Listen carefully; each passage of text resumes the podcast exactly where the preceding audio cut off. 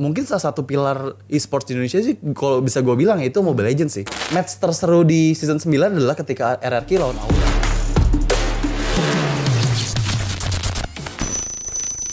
Halo guys, welcome to Kincir Esport Breakout. All the esport has the stories. Welcome back with me Pepau dan kali ini gue ditemenin sama co-host gue as a producer dari Kincir Esport Breakout. As Halo. always.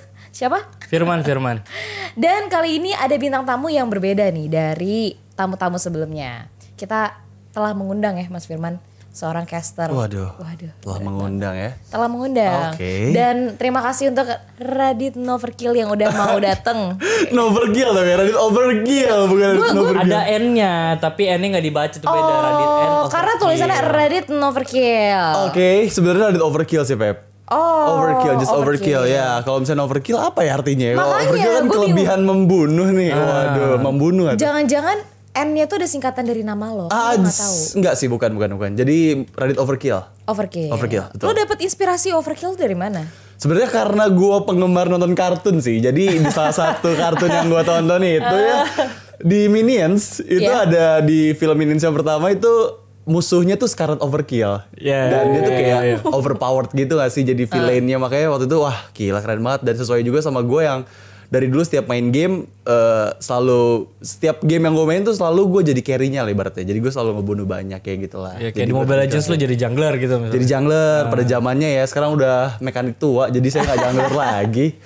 Oke, terus gue pas main FPS juga, gue sempet main FPS juga, main PUBG, main CS segala macem dan ya gue selalu bisa ngasih yang terbaik lah buat tim gue. Makanya gue ngerasa kayak overkill. gitu. Dari kapan lo main game?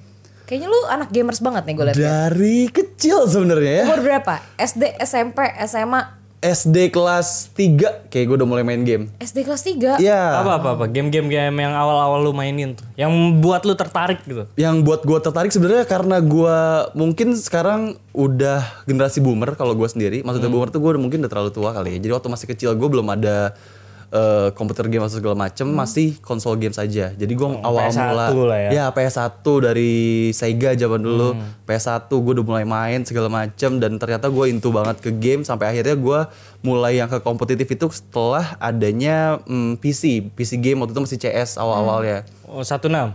Hmm, masih yang lebih jadul lagi kayaknya masih belum satu enam masih yang lebih jadul lagi dan eh, karena yang main itu masih LAN doang jadi belum ada internet pada Iya, iya, zamannya iya. Anak-anak warnet Tua ya. banget gue anjir belum ada internet gak Gak, gua, kali ini gua senang punya teman. Temennya? Jadi pada zamannya itu masih belum ada internet dan kalau misalnya kalian ke warnet itu ya cuman ngelan doang. Iya, iya, iya. Dan gue ngerasain kayak gue gamer banget setelah waktu gue main ngelan sama orang-orang di warnet tersebut ternyata gue lumayan jago nih waktu masih kelas 4 SD-an gitu lah. Jadi dapat hype-nya tuh ketika gue bisa ngalahin lawan kayak gitu sih karena kan depan-depanan jadi seru-seru Iya, iya. banget zaman zamannya kan masih bocil teriak-teriakan kan seru banget kayak gitu. Iya sih bener. Tapi gue pengen nanya nih. Apa tuh? Kan lu katanya pemain game FPS. Iya. Tapi sekarang lo jadi caster Mobile Legend. Kenapa lo gak jadi caster game FPS? Ada PUBG Mobile. Iya nggak dong? Iya iya benar benar. Jadi Kenapa tuh?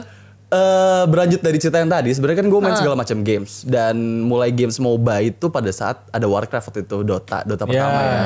Itu udah mulai main juga, ikut kompetitifnya juga sampai turnamen, masih turnamen turnamen kota gitu loh waktu itu. Terus gue main CS juga turnamen-turnamen kota, terus akhirnya pindah beralih ke mobile gamers tuh di 2017 ada salah satu MOBA namanya apa ya lupa namanya Hmm, apa ya lupa AOV. namanya lah bukan AOV masih yang dari Amerika gitu gue lupa namanya yang bagus Hmm. banget gambarnya pada zamannya ya terus setelah itu gue main itu ternyata nggak ada eh Fan Glory Fan Glory Oh, Fan Fan Glory. Glory. Glory, Iya, Fan iya, Glory. iya. itu awalnya gue pertama kali main Tiga lawan tiga. Iya tiga lawan tiga dan grafik kan bagus banget kan waktu Parah, itu. iya. biasanya cuma bisa nikmatin grafik tuh waktu pas zamannya di PC dan di Dota 2 gitu kan grafiknya udah mulai bagus. Tiba-tiba ada mobile games yang wah gila grafiknya bagus banget dan dicobain akhirnya oke. Tapi setelah itu gue main kok nggak ada teman-teman gue yang main nih? Karena pada saat itu handphone teman-teman gue belum ada yang support gitu lah jadi masih Android karena itu kan Vainglory cuma di iOS aja ya. Cuma di iOS aja Terus karena teman-teman gue gak ada yang main, akhirnya gue cuma main sendiri, nggak seru di tongkrongan. Teman-teman gue pada mainnya eh, AOV, terus main Mobile Legends. Akhirnya gue pindah beralih ke Mobile Legends. setelah gue main Mobile Legends ternyata se- seseru itu main karena banyak teman-temannya kan itu awal mulanya Walaupun waktu itu Mobile Legends. keadaannya Mobile Legends lagi burik-buriknya. lagi burik-buriknya tapi Iya. karena yang main Game 8 bit banyak sih, game 8 bit. Game nggak boleh gitu lah Oh udah iya, bagus sorry, loh sorry. dari Iya. zaman dulu tuh Iya, Mobile Legends tuh bagus. salah satu game terbaik Muntun Beda.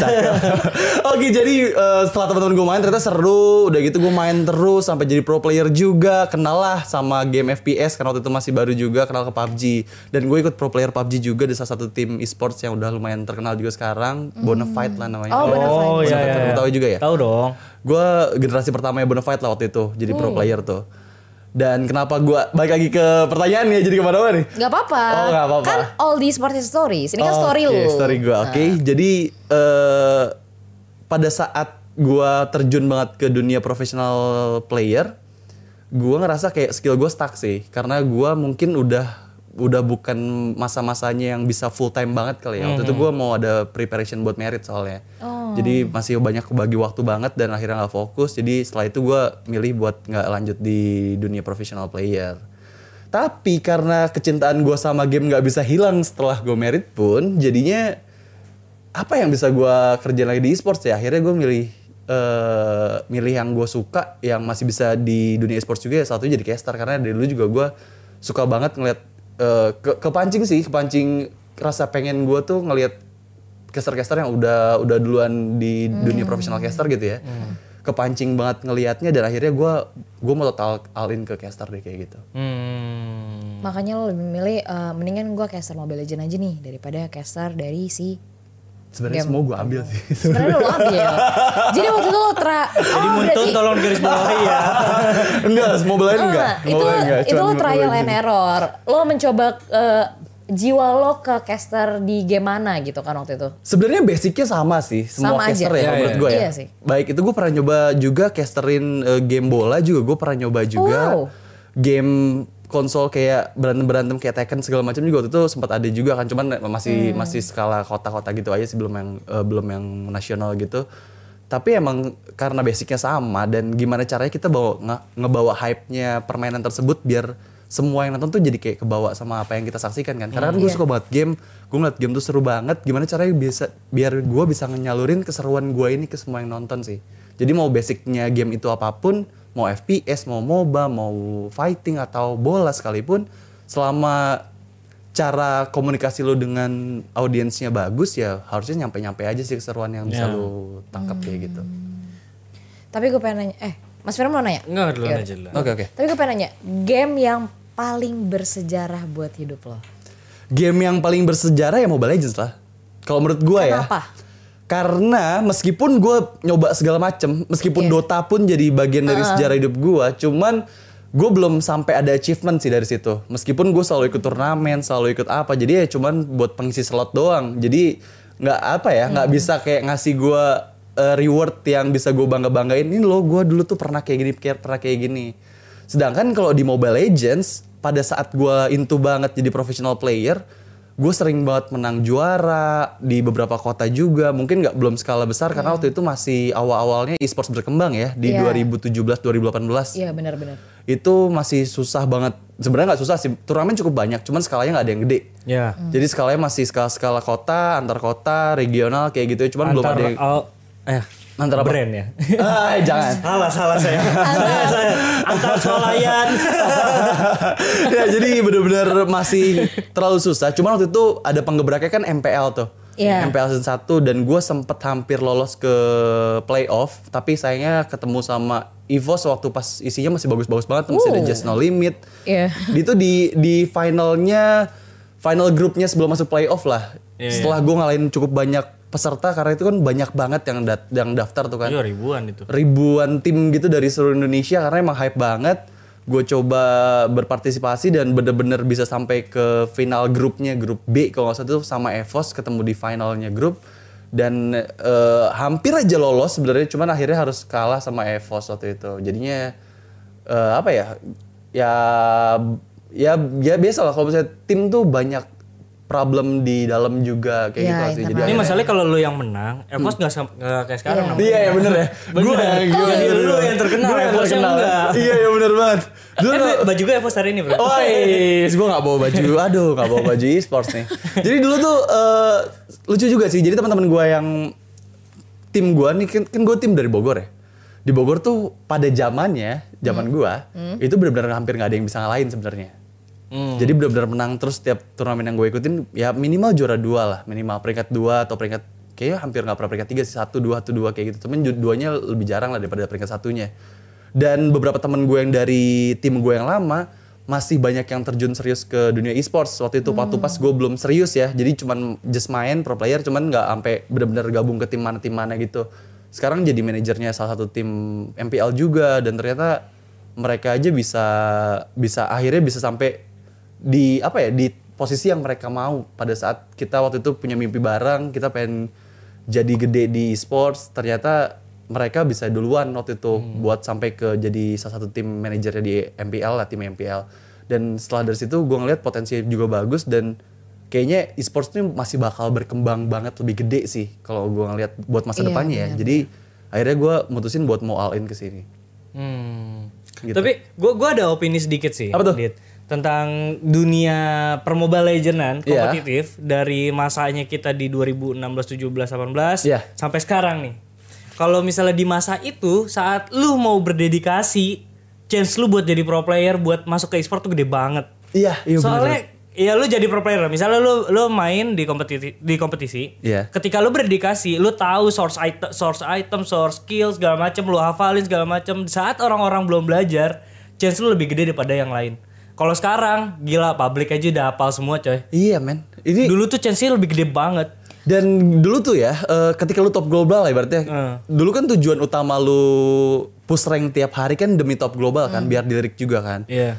Dan ketika lu top global pasti langsung ada aja lah yang nawarin lu segala Ada yang macam. DM. Iya, Ada yang DM, ada yang nanya tinggal di mana, mau gabung apa enggak. Bedanya sama sekarang mungkin sekarang karena apa ya? Rata-rata publik yang di top global ini kan udah bukan publik yang bener-bener niat mau jadi pro player sih rata-rata ya. Rata-rata sekarang Joki juga banyak. Nah, banyaknya joki segala macam yang emang buat nyari exposure karena terbukti top global Mobile Legends itu bener-bener exposure-nya gede banget. Iya. Jadi kalian tuh udah pasti bakal terkenal loh kalau misalnya bisa sampai di top 10, top 5 lah ya. Top 5 tuh kayak udah orang-orang tuh gila sini lagi sini lagi kayak udah terkenal banget. Jadi emang lebih ke exposure yang dicari sekarang karena eh kalau zaman dulu emang eh, fokusnya buat jadi pro player, tapi kalau sekarang lebih ke exposure. Pro, peralihannya kayak gitu. Soalnya dunia entertain e-sport belum semenggiurkan sekarang sih. Oh iya benar sekarang kayak gear banget ya. Udah Menggiurkan banget dari Udah segala sisi ya. sih. Dari Gak segala harus sisi. jadi pro player kan. Iya benar. Udah ladang basah sih. bener. Udah ladang basah banget apalagi yang tadi ya karena exposure Mobile Legends tuh gede banget. Pengaruhnya mungkin salah satu pilar e-sports di Indonesia sih kalau bisa gue bilang ya itu Mobile Legends sih.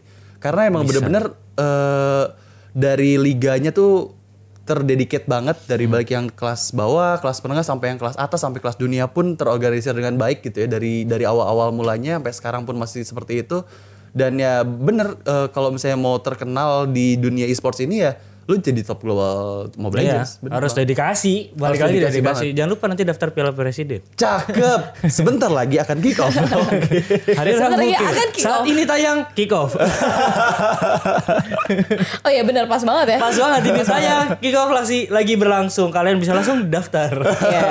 Dan Piala Presiden tuh dari Sabang sampai Merauke. Iya benar. dong. Waduh, ini piala paling bergengsi juga sih di Indonesia Iya, sebenarnya. benar. ah nih juara pertamanya nih dulu nih. Is. Uh masih ada. Kagi. KG ya, ini masa masa masanya KG tuh berkuasa ya waktu itu. ya? Asli. Lagi galak-galak. Lagi galak-galak by the ya. way di sini di KG ini ada yang namanya anti match. Anti Iya. match. Kita bahas sedikit tentang anti match ya. Oke, Ya udah, boleh, boleh, apa-apa, boleh, boleh boleh. boleh. Anti match kan kemarin sempat di viral juga kan sama Iya. Evos. Terus sekarang lagi ada drama-drama lucu lah. Oke. Kayak sekarang tuh kalau udah kata publik ya, ini Iya. bukan kata gue nih, kata publik, kata publik. kata publik tuh sekarang tuh anti match versus Evos. Jadi sekarang tuh kubunya Evos tuh ada yang kebagi tuh. Yang fansnya anti match keluar dari Evos, terus lawan anak-anak Evos yang lain. Itu eh, eh, para pendukungnya itu yang yang malah beradu, malah beradu. Malah argumen? beradu adu komen adu Oh, komen. oke. Jadi kan kalau Max kan masih sering streaming ya, Iya. masih Mas Den juga stream Wah, gitu-gitu. stream Jadi terus. kayak kemarin sempet kan si Max sempat nge-react eh, Mas Dean sama Luminer ngobrol Iya, iya, sana, iya, itu lihat ngobrol. Sempet lihat kan? Iya. yang dibilang kayak bocor, gocor. Menurut lu ya, Iya. anti match itu bocor atau enggak? Sebenarnya ini balik lagi sih kalau misalnya anti match ini kan sosok yang dari sebelum di farewell pun mungkin ada pernah ada momen-momen ketika dia live stream itu sempat ada ya Keceplosan. kalau- keceplosan lah ya gitu ya bisa dibilang ya meskipun menurut dia itu bukan bocorin dapur jadi dari sebelum ada farewell seperti ini pun karena udah ada kejadian yang terus berulang jadi eh, apa namanya image yang dia buat di para penonton yang dia- yang dia lakuin live stream itu ya itu jadi ngebuatnya kayak ya ini sengaja kayak bocor-bocoran lebih parah ketika dia udah di farewell. Padahal sebenarnya kalau dari kita lihat dari backgroundnya Anti-Match juga dari sebelum sebelum dia di farewell pun dari setelah gabung di EVOS pun sebenarnya ada kok momen-momen di mana dia ketika dia lagi live stream tuh ngeluarin ngeluarin eh, apa namanya bo- ya, ya bisa dibilang bocoran-bocoran yang Sebenarnya ilmu sih ya. Lebih sebenarnya kayak ilmu. sih sebenarnya ilmu. Tapi baik lagi karena eh, gini sih yang gua ambil sih. Contohnya kayak eh, Isan ya Luminar. Dia tuh dulunya ya dulunya tuh kan sering ngesarkasin orang. Ya benar. Terus tiba-tiba sekarang dia bercanda pun sebenarnya konteksnya bercanda tapi sarkas. dibilangnya Dia sarkas. sarkas. Meskipun dia ini benar-benar bercanda tapi orang-orang ngelihatnya kayak viewer-viewer ngelihatnya kayak ini tuh sarkas sebenarnya. Cuman ya, ya ya- ya beda pandangan kan ya. Dan itu pun yang mungkin dialamin sama anti match dari yang pas dulunya ya dia cuman ya kayak ngasih-ngasih ilmu. Terus sekarang mungkin karena dia di farewell mau coba kayak yang dia sempat klarifikasi juga kan. Kalau misalnya ada ada apa namanya KB juga yang sempat ngepredik segala macam dan dikeluarin mereka bilangnya prediksi kenapa gue dibilangnya Bocor bocor dapur, ya, padahal ya, gue udah di tiga bulan di rumah udah nggak di EVOS gue juga nggak tahu berita dari mana ya itu mungkin karena yang tadi gue bilang kayak Isan Udah image-nya kebentuk image-nya ya. kebentuknya dia tukang bocor bocorin dapur kayak gitu Hmm. Jadi sebenarnya tuh anti match dibilang salah juga enggak. Jadi netizen gak usah rame. tolong, tolong gak usah rame. Kasihan juga Tapi kalau EVOS-nya. misalkan netizen gak rame bukan netizen namanya. Bener. Ya. kelihatan nggak hidup kalau Iya. misalnya rame Pokoknya mah yang buang lah. Tapi mungkin eh eh, ini skalanya lebih besar ketika pas ada farewell video dari M1 sih, dari Iya, trio iya, M1 trio itu itu. kan, Iya, dari trio itu. eh, dari Rek, dari apa namanya Luminar sama Wan kemarin kan. Sama Dongki di story sendiri. Tolong ya, ini ikut ikutan. itu dia karena gak pernah dibikin video ya sampai sekarang Dia loh. viral diri sendiri ya di story. diri sendiri dan itu sedih banget pakai instastory doang lagi ya.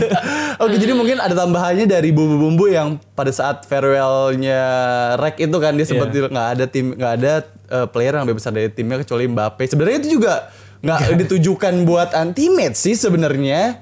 Karena ya eh, apa ya kalau bisa dibilang juga malah kalau menurut gue pribadi Hmm. di EVOS tuh yang gede banget itu malah Rek sendiri, Iya. bener kan? Karena eh, apa ya kayak bener-bener Rek tuh wajahnya EVOS gak sih pada zamannya gitu ya mungkin pada saat sebelum sampai mungkin sampai sekarang setelah di farewell pun kayaknya masih Rek tuh EVOS banget gitu. Iya, iya, iya. Jadi- Sama kayak Lemon di Ararki. Nah, kayak Lemon di Arari kan itu kayak kayak apa ya? Kalau bisa dibilang kan Mbappe kan player yang namanya tuh lebih besar daripada timnya gitu ibaratnya Iya. kan.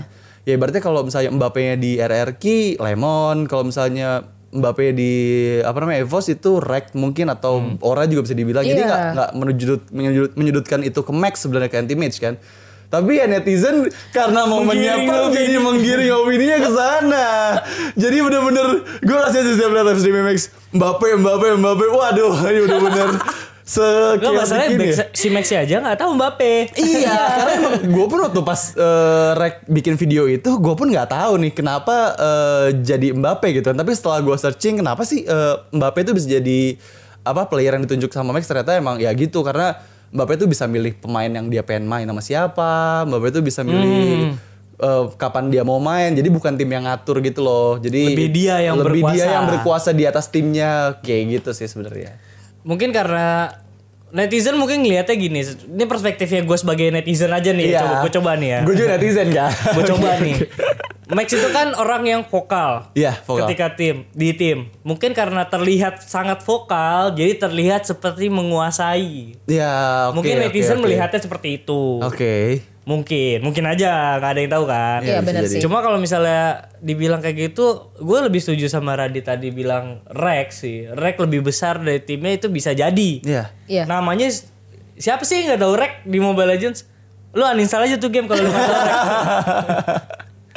iya banget Iya sih. nggak sih? Bener-bener, Siapa yang bener-bener. nggak tahu rek? Iya benar-benar. Iya sih. Tapi kalau misalkan dibilang dia kan kalau nggak rek aura ya. Iya. Karena gue zamannya waktu pada itu gue masih lebih eh, ngeliat ke aura sih. Eh, MVP M1 bro.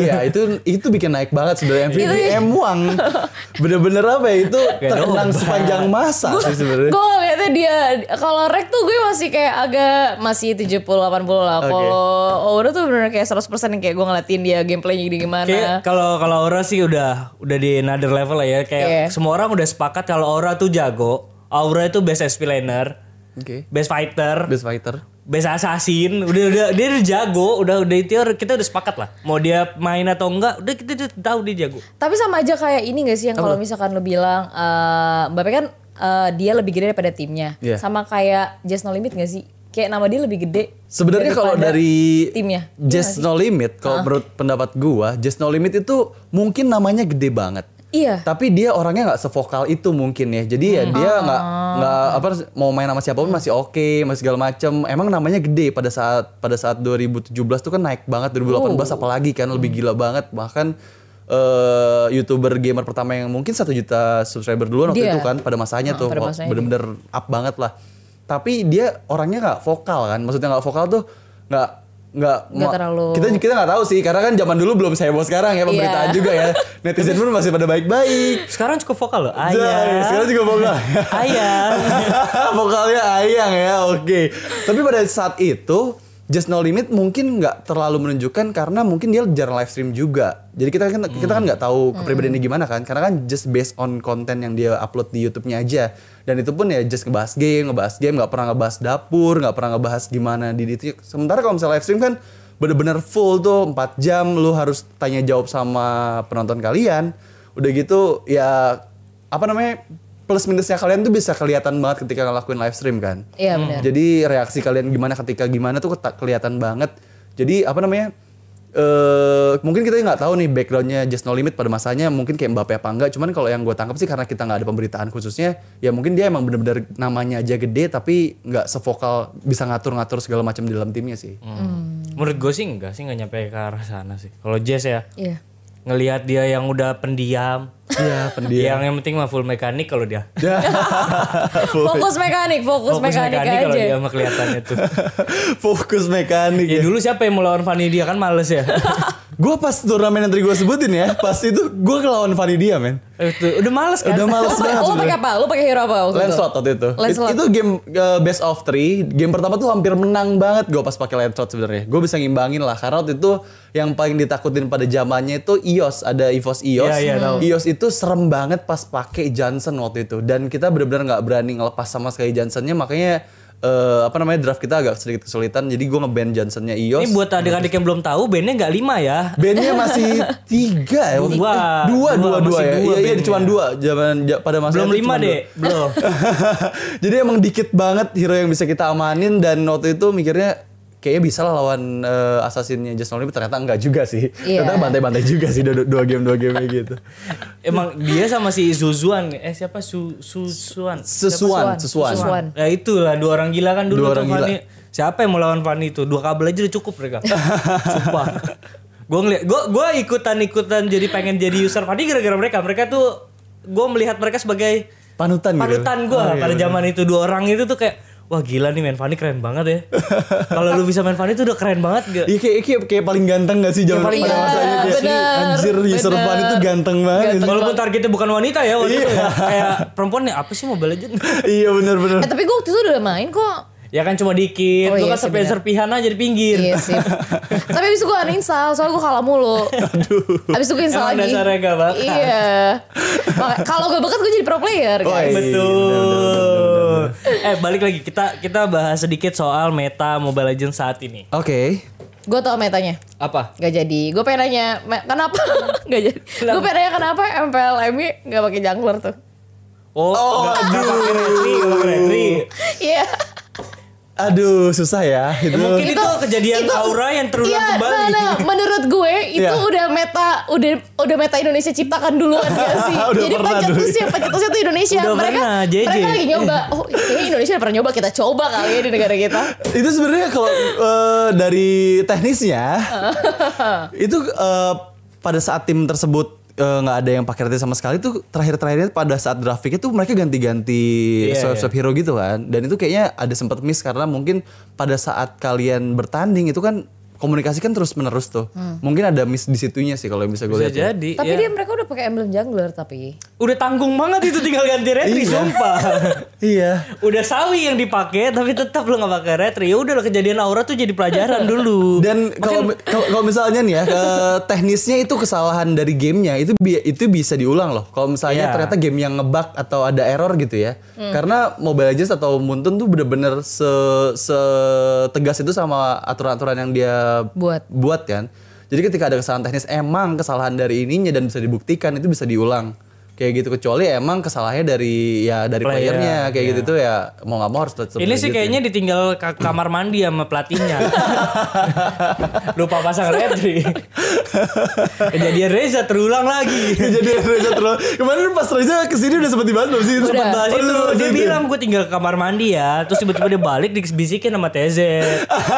Baru di tiga kamar mandi udah, udah bukan jadi au, bukan jadi aura aura-auran. Aura-auran jadi. Aura-auran. Ya kenapa kalau lu nonton ya, ya e-sport Iya. dekat minggu lalu, itu tuh dia bilang lagi, udah gitu dia di game keduanya si Kabuki, Kabuki. pakai Yuzong, pakai Flicker.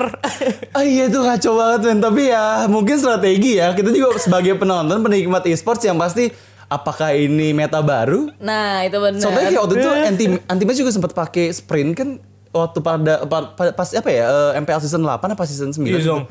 Yuzong pakai sprint. sprint. gitu. Sempat sempat gue liat anti sama siapa ya? Kalau nggak salah di XP Lane Yuzong pakai sprint dan ya nggak kurang worth it waktu itu ya. Mungkin belum belum Mungkin trial and error gak sih? Biar naganya, wing. biar naganya ngebut mungkin ya pakai nos.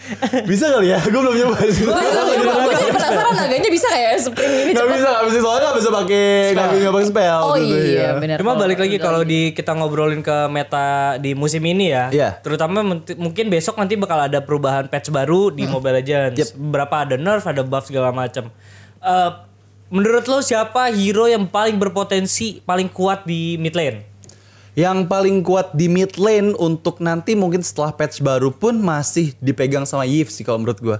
Ya, ya. Yif itu pertama banget, sih, ya. Yif karena emang eh ini mid lane yang hitungnya tuh dari awal-awal game dari early game dari menit-menit setelah dia punya S Queen One pun cuman butuh satu item aja itu bisa ngatur team fight bener-bener Iya. bisa ngatur pola permainan lawan karena seberpengaruh itu loh Ice Queen One ketika dipakai sama Yif apalagi ketika reward manipulationnya dikeluarin. Itu bisa ngeganggu rotasi dari lawan bisa ngeganggu banget. Terutama sekarang kan banyak juga eh, meta-meta yang menggunakan jungler yang nggak ada dashnya ya masih uh, fighter atau tank kayak gitu. Terutama itu bisa ngeganggu banget ketika mereka melakukan rotasi bener-bener masih meta banget meskipun nanti setelah di patch yang terbaru kalau menurut gua. Terus yang kedua ada Cecilian ya.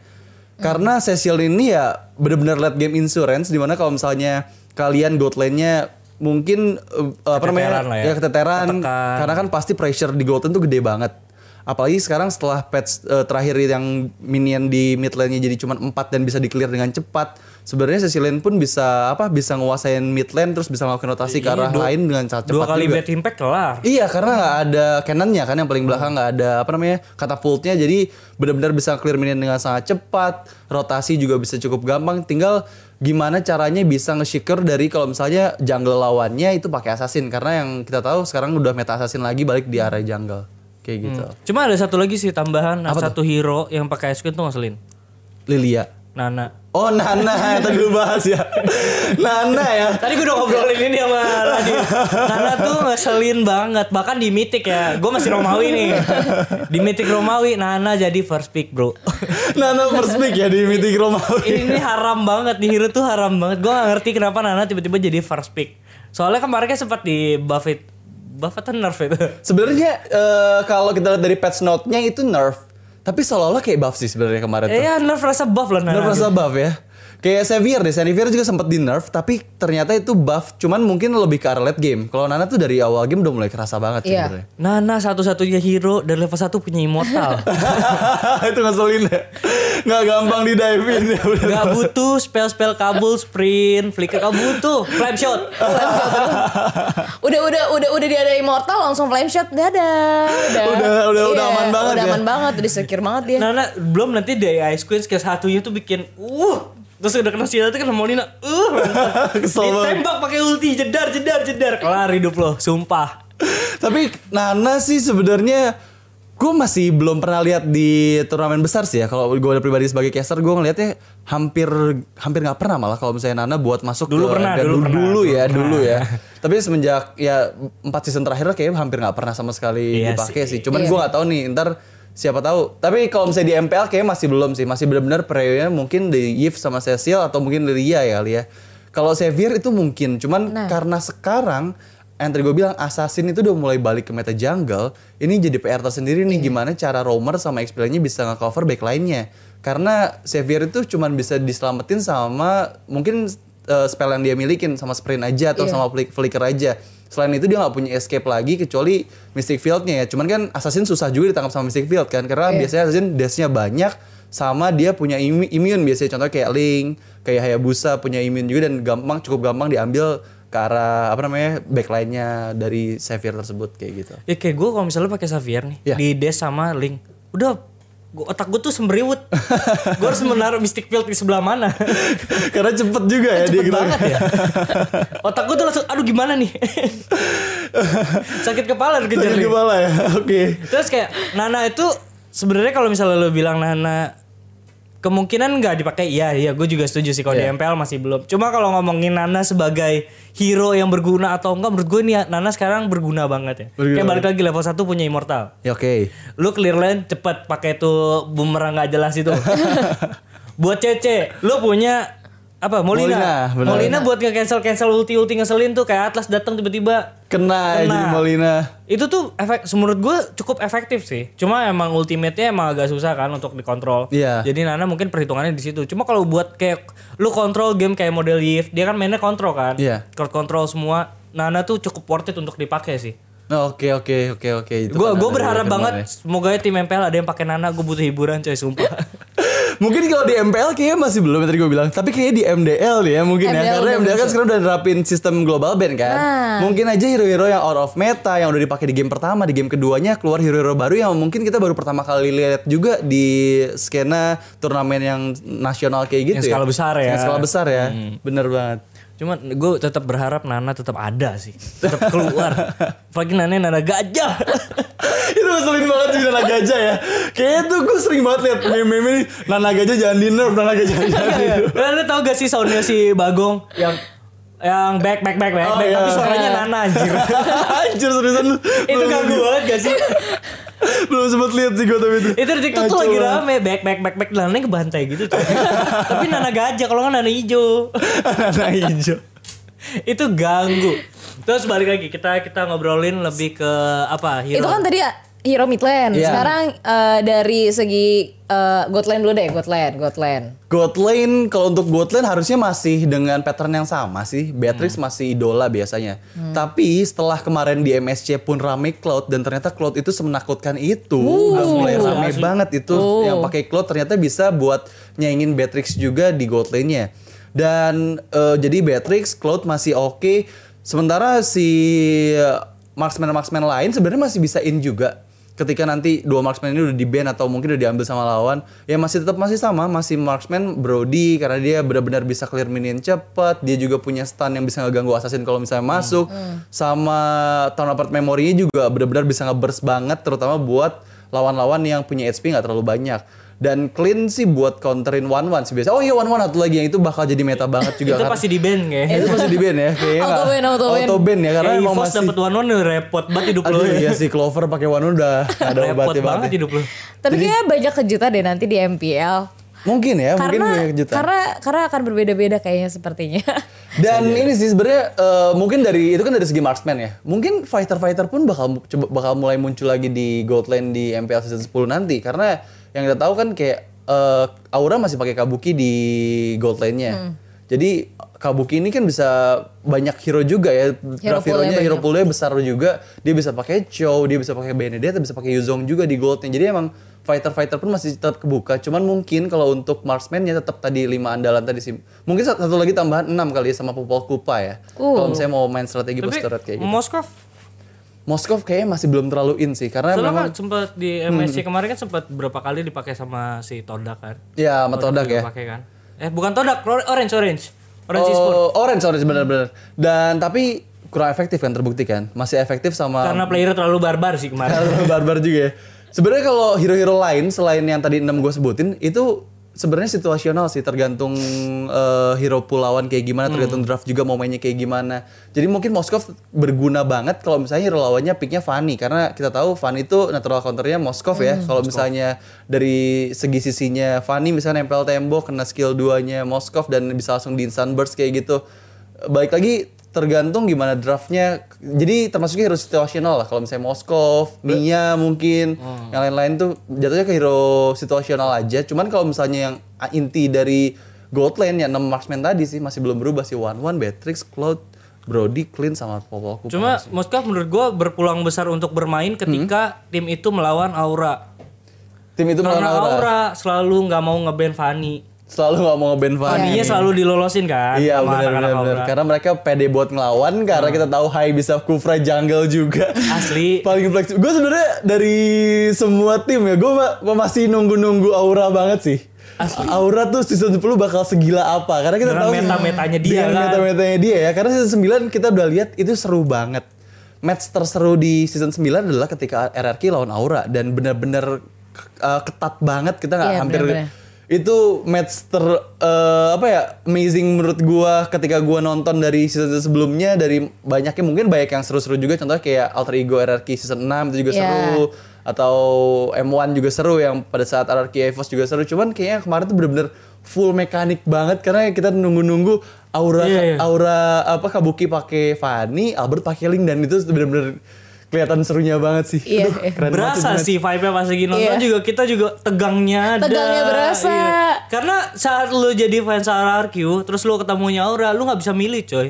Aura Iya. tuh udah people champion. Iya, udah Iya, double champion. benar. Nggak nggak bisa dimusuhin. Dan eh, dari yang pas match itu aja, meskipun secara statistik, secara data, RRQ emang jauh dari Aura ya. Kalau misalnya kita lihat dari by data, dari pengalaman, dari juara kayak gitu dari Aura. Cuman entah kenapa pada saat momen itu gue dukung Aura 100% loh. Gak bohong gue, gue bener-bener pas pas Aura sampai ke, ke secure kill atau kalah tim fight tuh gue sampai kesel sendiri sampai teriak-teriakan di rumah tau pas nonton sampai bini gue sampai kaget kamu kenapa sih gue belum sampai sehype itu padahal gue nonton di rumah ya apalagi kalau misalnya sampai di arena nonton Iya. bareng apalagi sekarang Iya. MPL udah mulai offline teman-teman jadi kalian semua bisa menyaksikan serunya MPL secara langsung di venue MPL Arena pastinya Belum lagi ada stiker baru. eh iya gue nunggu banget Gue nunggu banget tuh stiker keluar.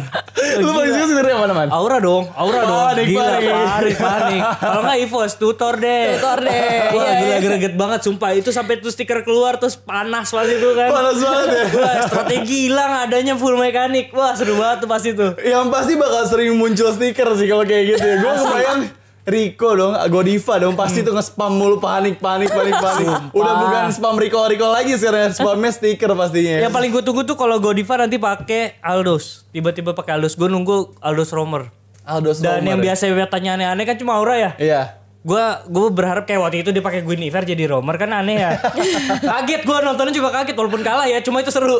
iya benar karena eh, momen-momen ketika tim MPL, ketika tim yang benar-benar di atas ya, itu tontonan semua orang ngelakuin sesuatu yang emang di luar Unexpected ya unexpected moment kayak gitu, unexpected draft itu apa ya jadi daya tarik tersendiri gak sih buat kita sebagai Asli. penonton karena Iya.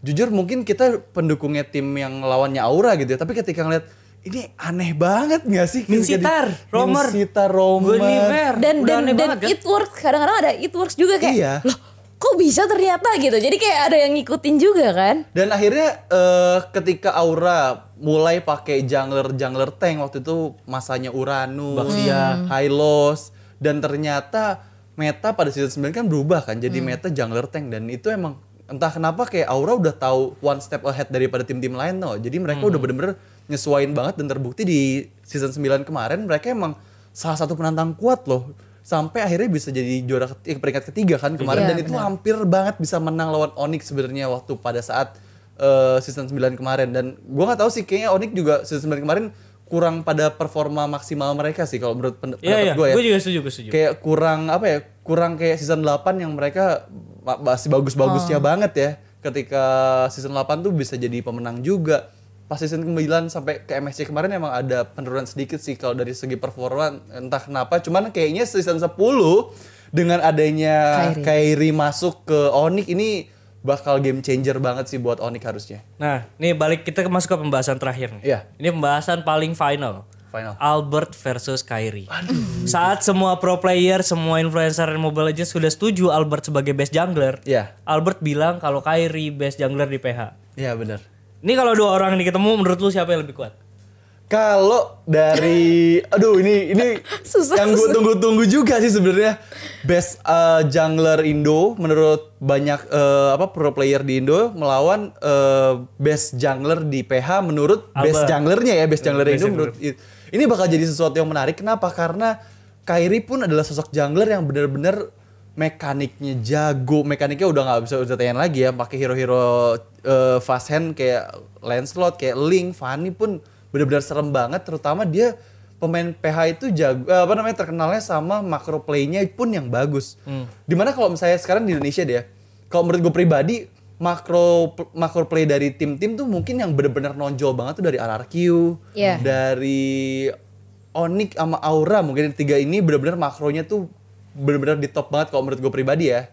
Terus kalau di PH hampir rata nih makronya bagus semua terutama eh, Kairi. Kairi ini salah satu player yang punya makro bagus, mekanik bagus dan juga pemikiran dalam game tuh yang benar-benar bisa ngebuat timnya tuh menang gitu loh. Jadi dia bisa nentuin apa ya apa yang dia bakal lakuin buat bisa ngegendong timnya.